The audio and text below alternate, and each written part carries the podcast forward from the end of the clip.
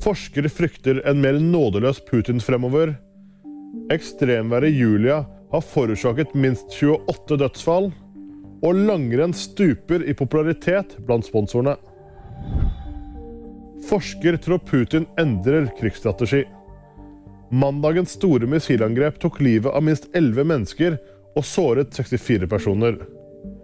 Russiske raketter skal bl.a. ha truffet både skoler og barnehager.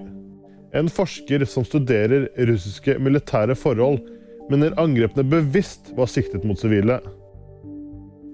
Han mener president Vladimir Putin er presset inn i et hjørne, og at angrepet markerer en endring som viser at Putin vil eskalere krigen uten hensyn til lover.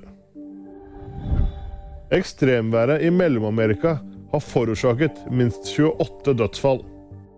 Julia har truffet Mexico, El Salvador, Guatemala, Honduras og Nicaragua. Det er forventet at stormen flytter seg videre mot sørlige deler av Mexico i dag. Langrenn mister popularitet blant sponsorene. Idretten har historisk sett vært veldig populær blant norske sponsorer, og var senest i mars 2020 på en andreplass over listen over mest populære sponsorobjekt.